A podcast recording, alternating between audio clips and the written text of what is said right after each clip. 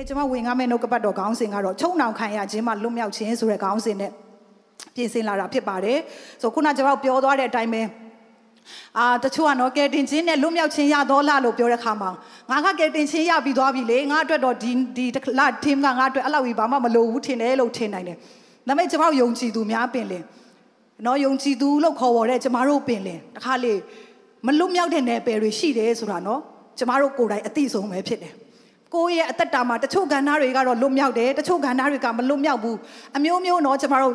ဖြီးစည်းခြင်းထဲမှာချုံနှောင်ခြင်းထဲမှာတခါတလေကျရင်ကျမတို့ရှိနေတတ်တယ်ဘာလို့လဲဆိုတော့နော်ကျမတို့ရဲ့ရန်သူစာတန်ကသူကအယံကိုအလုတ်စ조사တော့သူဖြစ်တော့ကြောင်ဖြစ်တယ်ကျမတို့ယုံကြည်သူတွေကစာတန်ရဲ့ပြစ်မှတ်ဖြစ်တယ်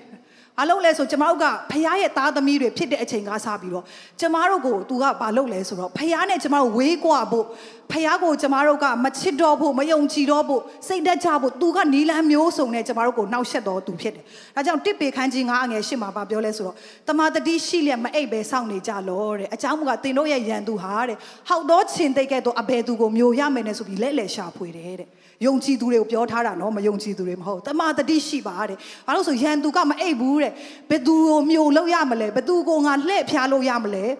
ဘယ်သူကိုငါနှောက်ယှက်လို့ရမလဲဆိုတာကိုသူတစ်ချိန်လုံးရှာနေတာ။ဒါကြောင့်တင်ရနေ့တမာတတိမရှိဘူးဆိုရင်စာတန်ရဲ့လှည့်ဖျားခြင်းထဲမှာကျမတို့က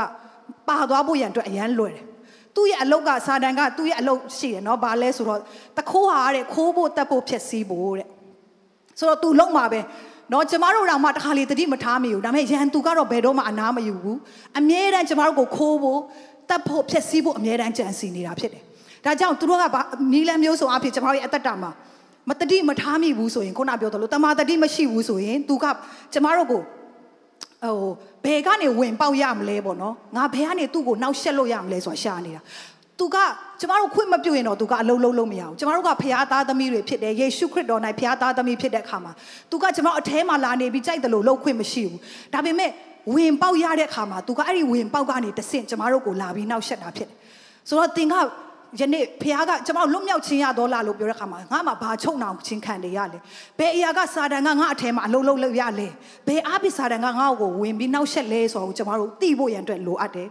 အထူးသဖြင့်စာတန်ကတော့ကျမတို့ရဲ့ယုံကြည်သူတွေကိုအများအဖြစ်ဘယ်ကဏ္ဍကနေအမြဲတမ်းဝင်ရောက်ပြီးအလုံးလုံးလဲဆိုတော့ကျမတို့ရဲ့အတွေးခေါ်ဖြစ်တယ်နော်ဝိညာဉ်ကိုတော့သူနောက်ရှက်လို့မရဘူးဒါပေမဲ့အတွေးခေါ်ထဲမှာသူကအမြဲတမ်းတိုက်ခိုက်တယ်အားကြောင့်ဟိုကျန်းစာတွေမှာဘာဖြစ်ဆိုစစ်ကျမတို့ရဲ့အတွေးခေါ်ကနော်စစ်မြေပြင်ဖြစ်တယ် ဆရာဆရာမတွေအများအားပါပြောလဲဆိုတော့တင်းရဲ့အတွေးခေါ်ကတဲ့ဟိုရန်သူဝင်လို့ရမယ်ရန်သူနောက်ဆက်လို့ရမယ်စစ်မြေပြင်ဖြစ်တယ်တဲ့။အဲဆိုကျွန်တော်အတွေးကအပြင်ကနေအမျိုးစုံလာနိုင်တယ်။အာအပြင်ကနေမကောင်းတဲ့အရာတွေယုံမယုံကြည်ခြင်းတွေအမျိုးမျိုးလာနိုင်တယ်။ထို့အရာလာတဲ့အခါမှာတင်းဒီထို့အရာကိုဒါကဖျားစီကမဟုတ်ဘူးဒါကစာတန်စီကဖြစ်တယ်ဒါကိုငါလက်မခံလို့လက်ခံလို့မဖြစ်ဘူးလို့သင်ကချက်ချင်းသိပြီးတော့အမြဲတမ်းမောင်းထုတ်နိုင်တော့သူကလုံးလုံးမရဘူးဒါပေမဲ့ကျွန်တော်ယုံကြည်သူတော်တော်များများကလေဒီတိုင်းပဲမသိလိုက်တဲ့အချိန်မှာ ကြားတဲ့အရာတွေမြင်တဲ့အရာတွေလူတွေနဲ့စကားပြောတဲ့အရာတွေအမြောက်များစွာကအတွေးထဲမှာကျွန်တော်ကဒီတိုင်းပဲမဆန်းစစ်ပဲနဲ့ scam မဖတ်ပဲနဲ့ပေါ့နော်အလွယ်တကူဝင်ခွင့်ပြုတ်လိုက်တယ်ဝင်ခွင့်ပြုတ်လက်ခါမှာစာတန်ကကျွန်တော်အတွေးထဲကိုဝင်တယ်ဝင်ပြီးတော့ကျွန်တော်ကမသိဘူးဒါကိုထပ်ပြီးခွင့်ပြုတ်ရင်ခွင့်ပြုတ်ရင်လည်းသူကကျွန်တော်အတွေးထဲမှာနေရရပြီးခြေကုပ်ရသွားတယ်အဲ့ခါမှာကျွန်တော်ရဲ့အသက်တာမှာဝမ်းမြောက်ခြင်းတွေစပြီးဆုံးရှုံးလာတယ် လွတ်မြောက်ခြင်းတွေဆုံးရှုံးလာတယ်ငါရင်တော့အယံဝမ်းမြောက်ပါတယ်အခုပဲရောက်သွားပါလေအာငါရဲ့အထဲမှာလွတ်မြောက်ခြင်းတွေပဲရောက်သွားပါလေဘာလို့လဲဆိုတစ်အထဲကဟာတွေသူကစပြီးခိုးလာတာတမာတရားနေရမှာမမှန်ကန်တဲ့အရာတွေထည့်ပေးလာတာဟာမင်းကဒီချိန်မှာဘာဝမ်းမြောက်စရာရှိလို့လဲမင်းကဘာဝမ်းမြောက်နေရလဲစကလုံးတစ်ခုပဲဒါပေမဲ့ဟုတ်သားပဲဒီလောက်ဆိုးရွားနေတဲ့ချိန်မှာဘာဝမ်းမြောက်ရမှာလဲမတိလိုက်တဲ့အချိန်မှာအဲ့ဒါစာတန်းထည့်လိုက်တာဒါပေမဲ့ကျွန်တော်တိတယ်ဆိုသခင်ဖျားဘာပြောလဲသခင်ဖျားနိုင်အစင်မပြတ်ဝမ်းမြောက်ရမယ် ကျမတို့ကမတိုက်ထုံနိုင်တဲ့ခါမှာဟာဟုတ်သားပဲငါမှဘာဝမ်းမြောက်စရာရှိလို့လဲပြင်တယောက်နဲ့စကားပြောလိုက်ပြန်ရောတင် Facebook ကြည့်လိုက်တယ်ဖတ်လိုက်တယ်အာလောကကြီးကဘလို့ဖြစ်လာတယ်မျောလင်းစရာမရှိဘူးကိုကိုကိုဟိုစိတ်တကြဖို့ကောင်းတယ်လောကဘာညာတွေတင်ဖတ်လိုက်တဲ့ခါမှာအဲ့ဒါရတဲ့အအထဲဝင်လာပြန်ရောဟုတ်သားပဲဆိုပြီးတော့ဒါကြောင့်တင်လေတခါလေလူတွေနဲ့စကားပြောတဲ့ခါမှာလူတွေရေးတဲ့ဟာတွေဖတ်ရင်ဖတ်ရင်တင်စိတ်တက်ကြလာတာတွေကြုံမှုမှာဖြစ်တယ်နော်စိတ်တက်ကြလာမယ်ညှိုးငယ်လာမယ် ဘာအာဘာကြီးလဲတည်င်းတွေကြည့်လိုက်လဲငါစိတ်တက်ကြစရာပဲဒါတွေဖတ်လိုက်စိတ်တက်ကြစရာပဲဖတ်လိုက်တာနဲ့တခါလဲကြားတာတွေနဲ့တင်တခါလေတင့်ကိုတင်အောင်မလေစိတ်တက်တွေကြားပြီးဘာမှမလုပ်ချင်မကင်ချင်ဖြစ်သွားတတ်တယ်အဲ့ဒီခါမျိုးမှာကျွန်တော်တို့သိရမယ့်အရာကဒါကတာမန်မဟုတ်ဘူးစာတန်ကငါရဲ့ဝမ်းမြောက်ခြင်းတွေကိုခိုးယူဖို့ကြံစည်နေပြီငါအထဲမှာရှေ့တမာတရားကို ခိုးယူဖို့ကြံစည်နေပြီဆိုတော့တင်သိပြီးတော့တမန်တရားနဲ့ပြန်ဆန်းစစ်ပြီးမောင်းထုတ်ဖို့ဖြစ်တယ်။ဘာလို့လဲဆိုတော့နော်ယောယောဟန်8:30နှစ်မှာတမန်တရားကိုလည်းသိကြသဖြင့်တဲ့ထိုတမန်တရားကတင်တို့ကိုလွတ်ချင်းပေးမယ်တဲ့။နော်ဒါကြောင့်တမန်တရားကကျွန်တော်တို့အထဲမှာရောက်လာတဲ့ခါမှာခုနစာတန်ရဲ့လိန်လေချင်းတွေခြေကုပ်တွေကတော့နေရာယူလို့မရတော့ဘဲနဲ့ထိုအရာတွေကထွက်သွားရတာဖြစ်တယ်။အဲကြောင့်ကျွန်တော်တို့ရဲ့အတွေးခေါ်တွေစာတန်ဝင်လို့ရတဲ့အတွေးခေါ်တွေကိုကျွန်တော်တို့ကဒီနေ့ပြန်ပြီးတော့ဆန်းစစ်ဖို့အရန်လိုအပ်တယ်။ဆိုတော့စာတန်က အတွေးခေါ်ကနေတဆင့်ပါလို့လဲဆိုတော့နော်တဖြည်းဖြည်းနဲ့ဟိုချက်ချင်းအပြစ်လောက်တဲ့အခါမှာတော့မှ तू ကချက်ချင်းလူတယောက်ကချက်ချင်းထပြီးတော့လောက်တာမဟုတ်ပဲနဲ့ तू အတွေးခေါ်ကနေစတာဖြစ်တယ်လူတယောက်ကိုမုံတီးရလဲအတွေးခေါ်ကနေစတယ်မုံတီးခြင်းကနေနောက်ဆုံးဘယ်လောက်ထိတောင်ဖြစ်နိုင်လဲဆိုတာနော်အာကျွန်တော်တို့ကာအီနာရဲ့အသက်တာမှာတွေ့ရတယ်ဆိုတော့တချို့လူတွေတစ်ချိန်လုံးအာဒေါသထွက်တယ်စိတ်ဆိုးတာတွေရှိတယ်အဲ့ဒါကြောင့်စိတ်ဆိုးတာဒေါသထွက်တာပင်လင်းကျွန်တော်တို့တတိထားဖို့ရန်အတွက်ဖြစ်တယ် အာဒါဆိုစိတ်မဆိုးရဘူးလားဆရာမစိတ်မဆိုးဘူးလားဆိုလူတိုင်းစိတ်မဆိုးဘူးတဲ့လူမရှိဘူးเนาะလူဖြစ်တဲ့အတွက်ဒါပေမဲ့ကျမ်းစာလေးဘာပြောထားလဲဆိုအေးဖက်ခန်းကြီးလေးအငယ်26 29မှာအမျက်ထွက်ရတွင်အပြစ်မရှိစေနဲ့အမျက်မပြေဘဲနေမဝင်စေနဲ့မာနက်ကိုအခွင့်မပေးကြနဲ့တဲ့အမျက်မထွက်နဲ့လို့မပြောထားဘူးအမျက်ထွက်ရရတွင်တဲ့အပြစ်မရှိစေနဲ့တဲ့အသင်အမျက်ထွက်နိုင်တယ်စိတ်ဆိုးတာတွေဒေါသထွက်တာတွေကြုံနိုင်တယ်ဒါပေမဲ့အဲ့ဒီစိတ်ဆိုးဒေါသထွက်တာတွေမပြေဘဲနဲ့တော့နေမဝင်ခိုင်းတယ်တဲ့ နားလဲတယ်နော်ပြောချင်တာကစိတ်ဆိုးတာကလူရဲ့တဘာဝကြုံတတ်တာဖြစ်တယ်တခုခုအစင်မပြေကျွန်တော်စိတ်ဆိုးတတ်တယ်တယောက်နဲ့တယောက်စိတ်ဆိုးတတ်တဲ့အရာရှိတယ်ဒါမဲ့ထိုအရာကိုသင်ကမဖြေလွတ်ပဲနဲ့ထိုအရာကိုထက်ပြီးအထဲမှာခုနပြောသလိုတင်းထားလိုက်တဲ့အခါနေဝင်ခိုင်းလိုက်တယ်ပြောချင်တာကဆက်ဆွဲပြီးတော့အဲ့စိတ်ဆိုးတဲ့အရာကိုမဖြေလွတ်ပဲနဲ့အထဲမှာသင်ထည့်တဲ့အခါမှာအဲ့ဒီကနေစာတန်ကဝင်ပေါက်ရလာတယ်ဝင်ပေါက်ရလာတဲ့အခါမှာသင်အထဲမှာမလုပ်ဘူးလဲဆိုတော့ခြေကုပ်ရလာတဲ့အခါမှာအဲ့ဒီစိတ်ဆိုးခြင်းဒေါသထွက်ခြင်းကနေမကောင်းသောအဖြစ်တွေကိုလှုပ်ဖို့သင်ကိုစသွေးဆောင် နော်တင်ဒေါသထွက်တဲ့လူကိုတင်ပြန်တုံ့ပြန်ဖို့စပြီးတွေးလာတယ်ကလေးစားခြင်းဖို့တွေးလာတယ်မမှန်ကန်တဲ့အရာနဲ့တင်ပြန်တုံ့ပြန်ဖို့တွေးလာတယ်ဒါကြောင့်ကျွန်တော်စိတ်ဆိုးခြင်းပင်လေကျွန်တော်တို့ဟိုချက်ချင်းမဖြေလွတ်ဖို့မဖြေလွတ်ပဲဆိုရင်ကျွန်တော်တက်တာမှာကြားရောက်နိုင်တဲ့အရာတွေအများများတယ်ခုနကျွန်မပြောသလိုကာအီနာနဲ့အာဘီလာရဲ့အသက်တာအာကာအီနာရဲ့ပူဇော်ခြင်းကိုကာအီနာနဲ့အာဘီလာကဖះကိုရစ်ပူဇော်တဲ့အခါမှာဖះကသူ့အညီအာဘီလာရဲ့ပူဇော်ခြင်းကိုလက်ခံတယ်ကာအီနာရဲ့ပူဇော်ခြင်းကိုလက်မခံတဲ့အခါမှာเนาะကျွန်တော်တို့ကျမ်းစာဖတ်ရင် ကြာမှာဖြစ်တဲ့အတွက်ဒီတိုင်းပြောလိုက်မယ်။ကာယနာကအလွန်စိတ်ဆိုးတယ်တဲ့။သူ့ရဲ့လက်မသူပူဇော်တာကိုလက်မခံရကောင်းလားဆိုပြီးဖះကိုအရန်စိတ်ဆိုးတယ်။ပြီးသူ့ငီကိုလည်းသူစိတ်ဆိုးတယ်။ဒါပေမဲ့အဲ့မှာဖះရဲ့ရောက်လာတယ်။တင်ကောင်းကောင်းပြုတ်တယ်ဆိုရင်တဲ့ငါတင်တင်ပူဇော်တာကိုငါလက်ခံနိုင်တယ်တဲ့။ပြောချင်တာကဖះကပြန်ပြုတ်ပြင်လို့ရတယ်တဲ့။တင်ငါ့ကိုမှန်ကန်စွာပြုတ်ပြင်ပါတဲ့။မဟုတ်ဘူးဆိုရင်တဲ့ တင့်ကိုနှောက်ရှက်မဲ့အပြစ်တရားကစောင့်နေတယ်တဲ့အားကြောင့်အဲ့ဒီအပြစ်ကိုအခွင့်မပေးပါနဲ့လို့စာတဲ့ဘုရားသခင်ကတတိပေးတယ်ဒါပေမဲ့ကာအိနာနားမထောင်ဘူးအဲ့ဒီစိတ်ဆိုးခြင်းကို तू ကနေဝင်ခိုင်းလိုက်တဲ့အပြင် तू ကမာနက်ကိုအခွင့်ပေးတဲ့အခါမှာသူ့ငီကိုပါလုပ်လဲနောက်ဆုံးမှာတတ်တဲ့အထီဖြစ်သွားတယ်ဒါကြောင့်စိတ်ဆိုးခြင်းကလေဟိုပေါ့သေးသေးနဲ့မဖြစ်နဲ့ဘယ်အထီတောင်ရောက်သွားနိုင်လဲဆိုလူတတ်တဲ့အထီတောင်ရောက်သွားနိုင်တယ် စာတန်ကမတိမတာလေးနဲ့ဒါရေးမချိပါဘူးငါလည်းစိတ်ဆိုလူတိုင်းစိတ်ဆိုးတတ်တာပဲဟုတ်တယ်ဒါပေမဲ့အဲ့ဒါကိုသင်အแทမှာနေရာယူခွင့်ပြုတ်ရင်ထိုအရာကနေနောက်ထပ်မကောင်းတဲ့အရာတွေလိုက်လာဖို့ရန်အတွက်အရန်များတယ်။နော်စိတ်ဆိုးခြင်းဒေါသထွက်ခြင်းပင်လင်လူရဲ့အသက်တာမှာမြောက်များစွာသောထိခိုက်ခြင်းတွေကိုလှုပ်ဆောင်နိုင်တယ်။အဲ့ဒီကနေဘာဖြစ်လိုက်လဲခွင့်မလွတ်ခြင်းတွေလာပြီ။ခါသေးခြင်းတွေလာပြီနော်။ခွင့်မလွတ်ခြင်းခါသေးခြင်းရှိတဲ့လူရဲ့ဘဝကလေဖခင်ကကျမကိုဘယ်လိုနားလဲဆိုဆိုအရန်၆တွေ့တယ်။ သူ့အထဲမှာရှိသမျှအားတွေကထိုခွင့်မလွတ်ခြင်းခါသေးခြင်းကလေ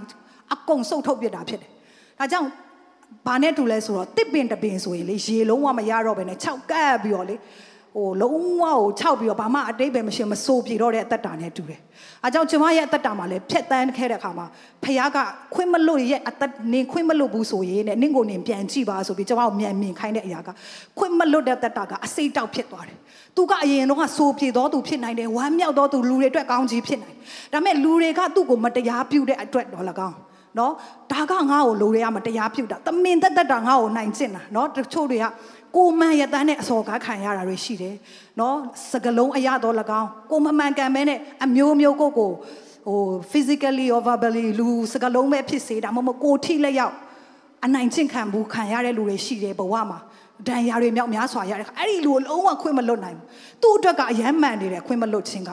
စဉ်းစားလေငါဘဝကို तू ဒီလောက်ဒုက္ခရောက်အောင်လုပ်ခဲ့တာ ငါဘဝကိုနင်းချေခဲ့တာငါဘဝကိုပျက်စီးအောင်လုပ်ခဲ့တာငါဘာလို့ခွင့်လွတ်နိုင်မှာလဲအယမ်းမှန်တယ်အဲ့ဒီအချိန်မှာအတင်တာကိုဆက်ပြီးခွင့်ပြုရင်လေစာတန်ကအဲ့ဒါကိုထပ်ပြီးထည့်ပေးလိုက်မယ်ဟုတ်တယ်ခွင့်မလွတ်တင်ဘူးအဲ့ဒီလူလောက်ကိုခွင့်မလွတ်တင်တာနင်ခွင့်လွတ်ရင်တော့နင်မိုက်မဲတာဆိုစကလုံးကထည့်လာပြီအဲ့ခါမှာတင်ဟာဟုတ်တယ်ငါခွင့်မလွတ်တင်ဘူးဘာလို့ငါသူ့ကိုခွင့်လွတ်ရမှာလဲတတင်းကစာတန်နဲ့တောင်ပိုသဘောတူတယ်အဲ့ဒီမှာခွင့်မလို့ချင်းခါသေးချင်းကဆလာတဲ့ခါမှာတင်းမျက်နာအခြေအနေပြောင်းလာတယ်တင်းမဝမ်းမြောက်တော့ တင်းကတတိမထားမိဘူးဒါပေမဲ့လူတွေကတင်းကိုတတိစထားမိလာဝမ်းမြောက်ခြင်းတွေတစ်ဖြည်းဖြည်းကုန်လာတယ်တင်းအထဲကအလိုလိုစီးစင်းနဲ့နော်မြစ်တာတွေကုန်ခန်းလာတယ်မာကြောလာတယ်ခြောက်တွေ့လာတယ်ဒီနှုတ်ကပတ်တော်ပြင်တဲ့ခါမှာဖခင်ကဘာစကလုံးသုံးခိုင်းလဲဆိုတော့6ခုနကျွန်မပြောတဲ့အရာနော်စားမြေလိုဖြစ်သွားတယ်အားရင်တစ်ခုလုံးကိုစုပ်ထုတ်ပြီးတော့ယနေ့တင့်ကိုဘာမှအသုံးမဝင်တော့6တွေ့6တွေ့ပြီးတော့လေဘာမှငှစ်ထုတ်ရင်တော့ဘာမှကောင်းတဲ့အရာမစီးထွက်လာတော့အသက်တာဖြစ်အောင်လုပ်တယ် ဒါကြောင့်ယနေ့ကျွန်တော်တို့ထဲမှာထိုကဲ့သို့လူတယောက်ကကိုယ့်ကိုမမှန်ကန်သောအရာပြုခြင်းကြောင့်ကိုခါးသိခြင်းနာခြင်းချင်းကြုံတွေ့ဘူးလေဆိုရင်ယနေ့ထိုအရာကိုယနေ့ဖြေလွတ်ရမယ့်အချိန်ဖြစ်တယ်အာမင်အဲ့လိုပြောတဲ့အတွက်မတရားရာကြတာဗောသူကအလုပ်ချင်တာလုပ်ပြီးမှငါကခွင့်လွတ်ရမှာလားဒါပေမဲ့ခွင့်လွတ်ခြင်းဟာသူ့အတွက်မဟုတ်တင့်အတွက်ဖြစ်တယ်ခွင့်လွတ်တော့သူကကောင်းကြီးခံစားရတာခွင့်မလွတ်ရင်တင့်ကောင်းကြီးကိုလေတခြားလူပိတ်တာမဟုတ်တင်ကိုယ်တိုင်ပိတ်တာဖြစ်တယ်ကိုဘေးကလူကိုပြောပေးပါအောင် ကိုကိုကိုကောင်းကြီးမပိတ်ပါနဲ့လို့ပြန်ပြောပေးပါအောင်တခါလေကြိုက်လေငါတက်တာမှာဘာလို့ကောင်းကြီးတွေမစီးဆင်းတာလဲငါဆူတောင်းတာပဲမျိုးစိတ်ကျဲတာပဲတခါတလေကြိုက်ဘာလို့မစီးဆင်းတာဆိုပိတ်တဲ့လူကတခြားလူမဟုတ်တင်ကိုယ်တိုင်ဖြစ်နေတယ်တဲ့ခွင့်မလွတ်ချင်ဘူးလေခွင့်မလွတ်ထိုက်တဲ့အရာလည်းရှိလို့ဖြစ်တယ်ကျမတို့လည်းဖခင်ကတခါတလေလူတိုင်းကြုံမှုပါတယ်เนาะဒါကတော့ကျမလည်းတခါအဲ့ဒီအတွက်ရုန်းကန်တဲ့အချိန်မှာကိုတော့မရဘူး ကျမကိုတော့ခွင့်လို့ရမယ်ဆိုတော့သိတယ်ဒါပေမဲ့ကိုတော့အချိန်ပေးအောင်သူ့တခုခုတော့ပြန်ပြောပြီးမှခွင့်လို့မယ်လို့ကျမဖခင်ကိုဈေးစစ်တယ်ဖခင်ကမရဘူးတဲ့အာကိုတော့ तू ပြောတာလေကျမဖះကိုတော့မသိတာမသိတယ်လို့လို့ ਨੇ ကိုတော့ तू ပြောတာဖြစ်ကိုတော့မကြားလိုက်လို့လားအဲဖះကိုလုံးဝဘလောက်ထိ तू ပြောသွားလဲကိုတော့ဘာလို့သူ့ဘက်ကကိုတော့ရှေ့နေလိုက်ပေးတာလဲဘာတွေဘာတွေကျမနဲ့ဆူတောင်းရင်ဖះကိုအချီးကျဲအဲ့မှာဖះကငါသူ့အတွက်ပြောတယ်ထင်လားတဲ့တင့်အတွက်ပြောတာဖြစ်တယ်တဲ့ နင်ခွင့်မလို့ဘူးဆိုရင်နင့်ကိုငါဆက်ပြီးတော့နောက်တစ်ဆင့်ပို့လို့မရတော့ဘူးတဲ့ဒီနေရာပါပဲနင်ဒီပုံစံနဲ့ပဲလဲနေတော့မှာတဲ့ပြီးရင်နင်6တွေ့လာမယ်တဲ့ခါသီးလာမယ်တဲ့ဒါကြောင့်သူ့အတွက်မဟုတ်ဘူးတဲ့တင့်အတွက်ပြောတာဖြစ်တယ်အဲ့မှာကျမလည်းမခံနိုင်တော့ဟုတ်ကဲ့ကိုတော့ဟုတ်ကဲ့ပါဆိုမြေအိမ်မခွန်းနဲ့ခွန်းလို့ရတဲ့အသက်တာရောက်သွားတယ်အဲ့ဒါကြောင့်ခွင့်လွတ်တယ်ဆိုတော့မလွယ်ဘူးဆိုတော့သိတယ်။ဒါပေမဲ့ယနေ့မှာထိုခွင့်မလွတ်ခြင်းအဖြစ်သိမရမယ့်ကောင်းကြီးကိုအဆုံးရှုံးမခံဖို့လိုအပ်တယ်။ဒါဆိုကိုတော့ तू သူ့ကိုရော သူနဲ့ကဖခင်နဲ့ဆိုင်တယ်ဖခင်ကတရားမျှတတော်ဖခင်ရှင်ဖြစ်တယ်တန်ရှင်တော်ဖခင်ဖြစ်တယ်သူ့ကိုဖခင်ထဲမှာပဲအပ်ပါဖခင်ကသူလှုပ်ချင်တာသူလှုပ်လိုက်မယ်ကျမတို့နဲ့မဆိုင်ဘူးလူမြောက်ဖို့ကကျမတို့ရဲ့တာဝန်ဖြစ်တယ်အာမင်ဒါကြောင့်ယနေ့ဒီနေရာမှာခွင့်လွတ်ခြင်းစီစဉ်မယ်နေဖြစ်တယ်ယနေ့လူမြောက်များစွာကခွင့်မလွတ်ခြင်းကြောင့်သူတို့ကောင်းချီးရတဲ့တလောက်မရဘူးစူးစားတယ်လမ်းတွေပွင့်တယ်လှုပ်လိုက်တယ်အဆင်ပြေမလို့လို့နဲ့အဆင်မပြေဘူးဘာဖြစ်လို့လဲ ထိုခွင့်မလွတ်ခြင်းတွေဟူသောခါစွာသောပင်မြစ်ကအထဲမှာရှိနေတာဖြစ်တယ်။စာတန်ကအဲ့ဒါနဲ့တင့်အထဲမှာ तू ကနေရာယူထားတာ။အဲကြောင့်တင်ဘလောက်စူးစားစူးစား level တစ်ခုမှပြန်ပြန်ကျနေတာ။အဲကြောင့်ဟေပြဲထဲမှာဘာပြောလဲဆိုတော့ခါစွာသောပင်မြစ်ပေါက်ပြီးဂျေဇုတော်မခံရပဲမနေဖို့တတိထားပါတဲ့။ဒီနေ့ခါစွာသောပင်မြစ်တွေရှင်ကျွန်တော်ပြန်ပြီးဆွဲနှုတ်ရမယ့်အချိန်ဖြစ်တယ်။တချို့ကတော့သူတို့ကိုယ်တိုင်ခါးသီးချင်းနဲ့မလုံလောက်ဘူးသူတို့ရဲ့ဘေးကလူတွေကိုပါအဲ့ဒီအစိတ်တောက်ကိုထပ်ပေးတဲ့လူရှိတယ် ဥပမာကျွန်တော်တရုတ်ကားတွေမှာကြည့်တယ်ဆိုရင်နော်ဟုတ်ချင်မှာဟုတ်မှာပေါ့ဒါပေမဲ့တရုတ်ကားတွေမှာကြုံရတာများတယ်လေအဖိုးဖွားတွေကသူတို့မချင်တတ်တာကိုလေသူတို့သားသမီးကိုမှားခဲ့တယ်နော်နင်းရဲ့ဘသူကငါ့ကိုအဲ့လိုလုပ်ခဲ့တာနင်းပြန်ကလေးစားချင်တော့တေခါနင်းမအဲ့ဒါတွေမှားကြတာလေဘသူကငါ့ကိုနှိပ်စက်ခဲ့တာငါကအဲ့ဒီအိမ်မှာနေတော့ငါဘလို့ငါ့ကိုအဲ့လိုနင်းအတော်ကနင်းဘသူကငါ့ကိုအဲ့လိုစကားပြောခဲ့တာ သူတို့လူတယောက်ကိုမချေနှက်တဲ့အရာဆွေမျိုးတွေမချေနှက်တဲ့အရာပတ်ဝန်းကျင်မချေနှက်တဲ့အရာသူတို့ကလေသားသမီးတွေရှေ့မှာတွန်းလောင်းလိုက်တဲ့ခါမှာသားသမီးတွေထဲမှာခုနပြောတဲ့အစိတ်တောက်တွေကသူတို့စီကနေတခါမိဘတွေစီကနေသားသမီးကိုထက်ဝင်အဲ့ခါမှာသားသမီးတွေကဒါကငါအဖေကိုဒီလိုလုပ်ခဲ့တာသူကငါတို့ဒီလိုလုပ်ခဲ့တာတခါမုန်းတီးခြင်းက generation အဆက်ဆက်ဆက်လိုက်တယ်ဖယားကလေအစိတ်အတောက်တွေကို generation အဆက်ဆက်ဖြတ်တန်းစေချင်တာမဟုတ်ဘူးကောင်းခြင်းမင်္ဂလာကို generation ဆက်ဆက်ဖြတ်တန်းစေချင်တယ်အာမင် ဒါကြောင့်အစိတ်တောက်တွေကိုကိုယ့်ရဲ့နောက်မျိုးဆက်ကိုမပေးပါနဲ့စဉ်းစားကြည့်တင်အောင်အဲ့ဒီအစိတ်တောက်ကြောင့်ဘလောက်စိတ်ပင်ပန်းခဲ့ရလဲခါတီးချင်းရဲ့အာအကျုံဘလောက်ထိခါတီးချင်းရဲ့ကျုံကလုံးဝဝမ်းမြောက်စရာမကောင်းတင်ကိုယ်တိုင်အဲ့ဒါကိုရုန်းကန်ရတယ်ဆိုရင်ဘာလို့တင်သားသမီးကိုထပ်ပြီးထိုးအရာတွေဆက်ပေးမှလဲတင်ရဲ့ပဝင်းချင်းကလို့ဘာလို့တင်ရဆက်ပေးမှလဲအဲကြောင့်ကျမတို့ဒီထိုးအရာတွေကိုထိုးအစိတ်တောက်တွေကိုကျမတို့ကိုနောက်မျိုးဆက်ကိုလက်စစ်မကန်ဖို့အရင်ရေးကြည့်တယ်မကောင်းသောအရာတွေကိုလက်စစ်မကန်ဖို့အရင်ရေးကြည့်တယ် ဒါကြောင့်တစ်အလဲမှာထိုအရာတွေကိုဖြတ်တောက်ပါဘာမဆိုလေမဖြတ်တောက်ပဲနဲ့သူ့အလိုလိုဖြတ်တောက်တာမရှိဘူး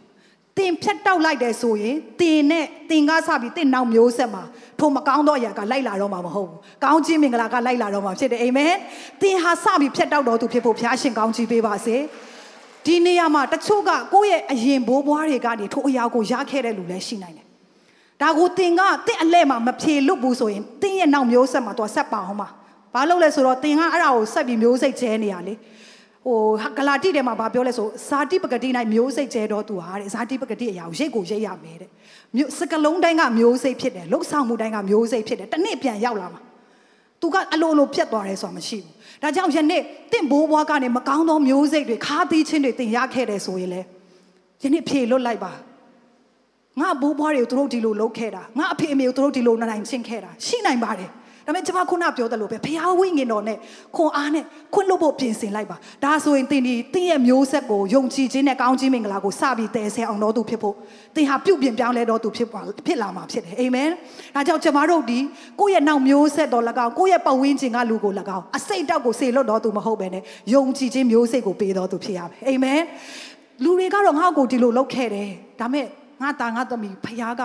ခွင့်လွတ်စေတယ်ငါတို့ကခွင့်လွတ်တယ် ငါတို့ကခွင့်လွတ်ခြင်းနဲ့အသက်ရှင်မဲ့မျိုးဆက်တွေနော်ကိုသားသမီးကိုအဲ့လိုပြောရမှာဖြစ်တယ်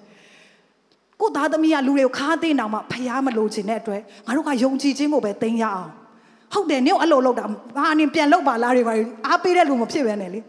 ခွင့်လွတ်ခြင်းနဲ့ငါတို့အသက်ရှင်ရအောင်ဒါကြောင့်တင့်ရဲ့သားသမီးမျိုးဆက်တွေကတင့်ကိုပြန်လဲချီတဲ့ခါမှာငါရဲ့ဖခင်မိခင်ကယုံကြည်ခြင်းနဲ့အသက်ရှင်တော်မိခင်ဖြစ်တယ်ငါရဲ့ဖခင်ကလူတွေကိုခွင့်လွတ်ခြင်းနဲ့အသက်ရှင်တော်ဖခင်ဖြစ်တယ်ငါမိဘတွေကိုချိလိုက်တိုင်းမှာငါအယံခွန်အားရတယ်ယုံကြည်ခြင်းအကြောင်းပဲပြောပြတယ်လူတွေကိုကောင်းချီးဖြစ်စေတယ်လို့ပြောတော်သူဖြစ်ဖို့ဘုရားရှင်ကောင်းချီးပေးပါစေငါအဖို့ချိလိုက်တိုင်းမှာခါသီးခြင်းနဲ့ပြည့်နေတယ်ဒီအဲ့ဒါကြားခြင်းလား ကျမတို့ထိုအရာကိုယနေ့ယေရှုနာမ၌ဖျက်တောက်လဲလွတ်မြောက်တော်သူဖြစ်ဖို့ဘုရားရှင်ကောင်းချီးပေးပါစေ။စာတန်ကထိုအရာအားဖြင့်လူမြောက်များစွာရဲ့တက်တာကိုလှည့်ဖျားနေတာဖြစ်တယ်။ဒါကြောင့်ယနေ့ဘလို့နာကျင်မှုမျိုးပါမစိုးဘလောက်ဆိုးရတဲ့အရာယေရှုခရစ်တော်ကသူ့ကိုတတ်ပြီးတော့နော်လက်ဝါးကားတိုင်းမှာသူ့ကိုကိုတုံးလုံးအဆက်ကွဲပြီးတတ်တဲ့လူကိုသူပြောတဲ့အရာကကိုတော်သူတို့ရဲ့အဖြစ်ကိုခွင့်လွှတ်ပါတဲ့ပထမဆုံးတမန်တော် သူ့ကိုအကြောက်တုံးနဲ့ပြစ်ကြပြီးတော့သူတည်သွားတာနော်ပထမဆုံးတမန်တော်တထေဖန်တမန်တော်မဟုတ်ပါပထမဆုံးအသေးခံတဲ့တထေဖန်ဟိုမာတုတော်ပြောချင်တာ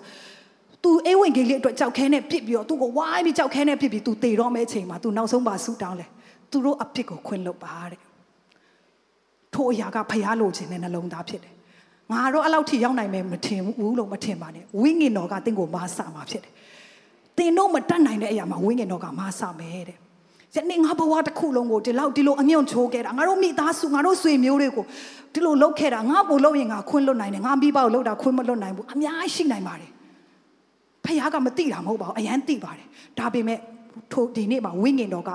သူ့ရဲ့ခွင့်လွတ်ခြင်းကိုတင့်ကိုထည့်ပေးတဲ့ခါမှာတင်ခွင့်လွတ်လာနိုင်မှာဖြစ်တယ်ထိုအချိန်ကစပြီးတော့တင်တို့မျိုးဆက်မှာတခါမှမရဘူးတဲ့နော်တခါမှမစီစဉ်ဘူးတဲ့ဘိတ်သိက်တွေကောင်းကြီးတွေကစပြီးလိုက်လာမှာဖြစ်တယ်ပိုက်တစ်ခုကလေ ဟိုအမိုက်တွေနဲ့ပြည့်နေတဲ့ခါရေမစီးနိုင်ဘူးထိုအမိုက်တွေဖယ်လိုက်ပြီဆိုတန့်စင်တဲ့ရေတွေမြောက်များစွာကစပြီးစီစဉ်လာမှာဖြစ်တယ်အာမင်ပြီးတော့တချို့လေစာတန်ကဘာအဖြစ်လက်ဖျားလဲဆိုတော့လိန်ညာချင်းတခါလေကျရင်တချို့သောလူတွေကလေလိန်ညာချင်းကိုသူတို့အတွက်အမှုမဲ့အမတ်မဲ့ပဲလိန်လိုက်တာပေါ့ပေါ့ပါပါပဲဟိုအပြစ်လို့တော့မခံစားရအောင်ဒါပေမဲ့တုံးတန်ထဲမှာကြည့်ရဆိုထာဝရဘုရားဆက်ဆုပ်ယွန်ရှာသောအရာခုနှစ်ပါးထဲမှာလိန်ညာချင်းက နှစ်နေရာမှာတောင်ပြောထားတယ်နော်မူတာသုံးတော်ရှာတဲ့ပြီးရင်မတရားမမှန်ကန်တာကိုတက်တေလိုက်ပေးတဲ့မူတာတဲ့ဆိုတော့မလိန်မမှန်ကန်ခြင်းမလိန်လိန်ညာချင်းကဘုရားအယံမုန်းတီးသောအရာဖြစ်တယ်စာတန်ကိုကျမ်းစာထဲမှာယေရှုကိုယ်တိုင်ပါပြောထားလဲဆိုမူသားရဲ့အဖာတဲ့လိန်ညာချင်းရဲ့ဖခင်တဲ့ဒါကြောင့်ယနေ့ကျွန်တော်တို့ရဲ့အထဲမှာလိန်ညာချင်းနဲ့ပြည့်နေတဲ့အခါမှာတစ္ဆာတရားမရှိတဲ့အခါမှာစာတန်ကဝင်ပေါက်ရတယ်ဒါကြောင့်လိန်ညာချင်းကိုရှော့မတွက်ပါနဲ့လိန်ညာချင်းကတင့်အထဲမှာစာတန်ကဝင်ပေါက်ရပြီးချုပ်ခိုင်ထားတယ်ဆိုဒီနေ့လွတ်မြောက်ရမယ်နေ့ဖြစ်တယ် အာမင်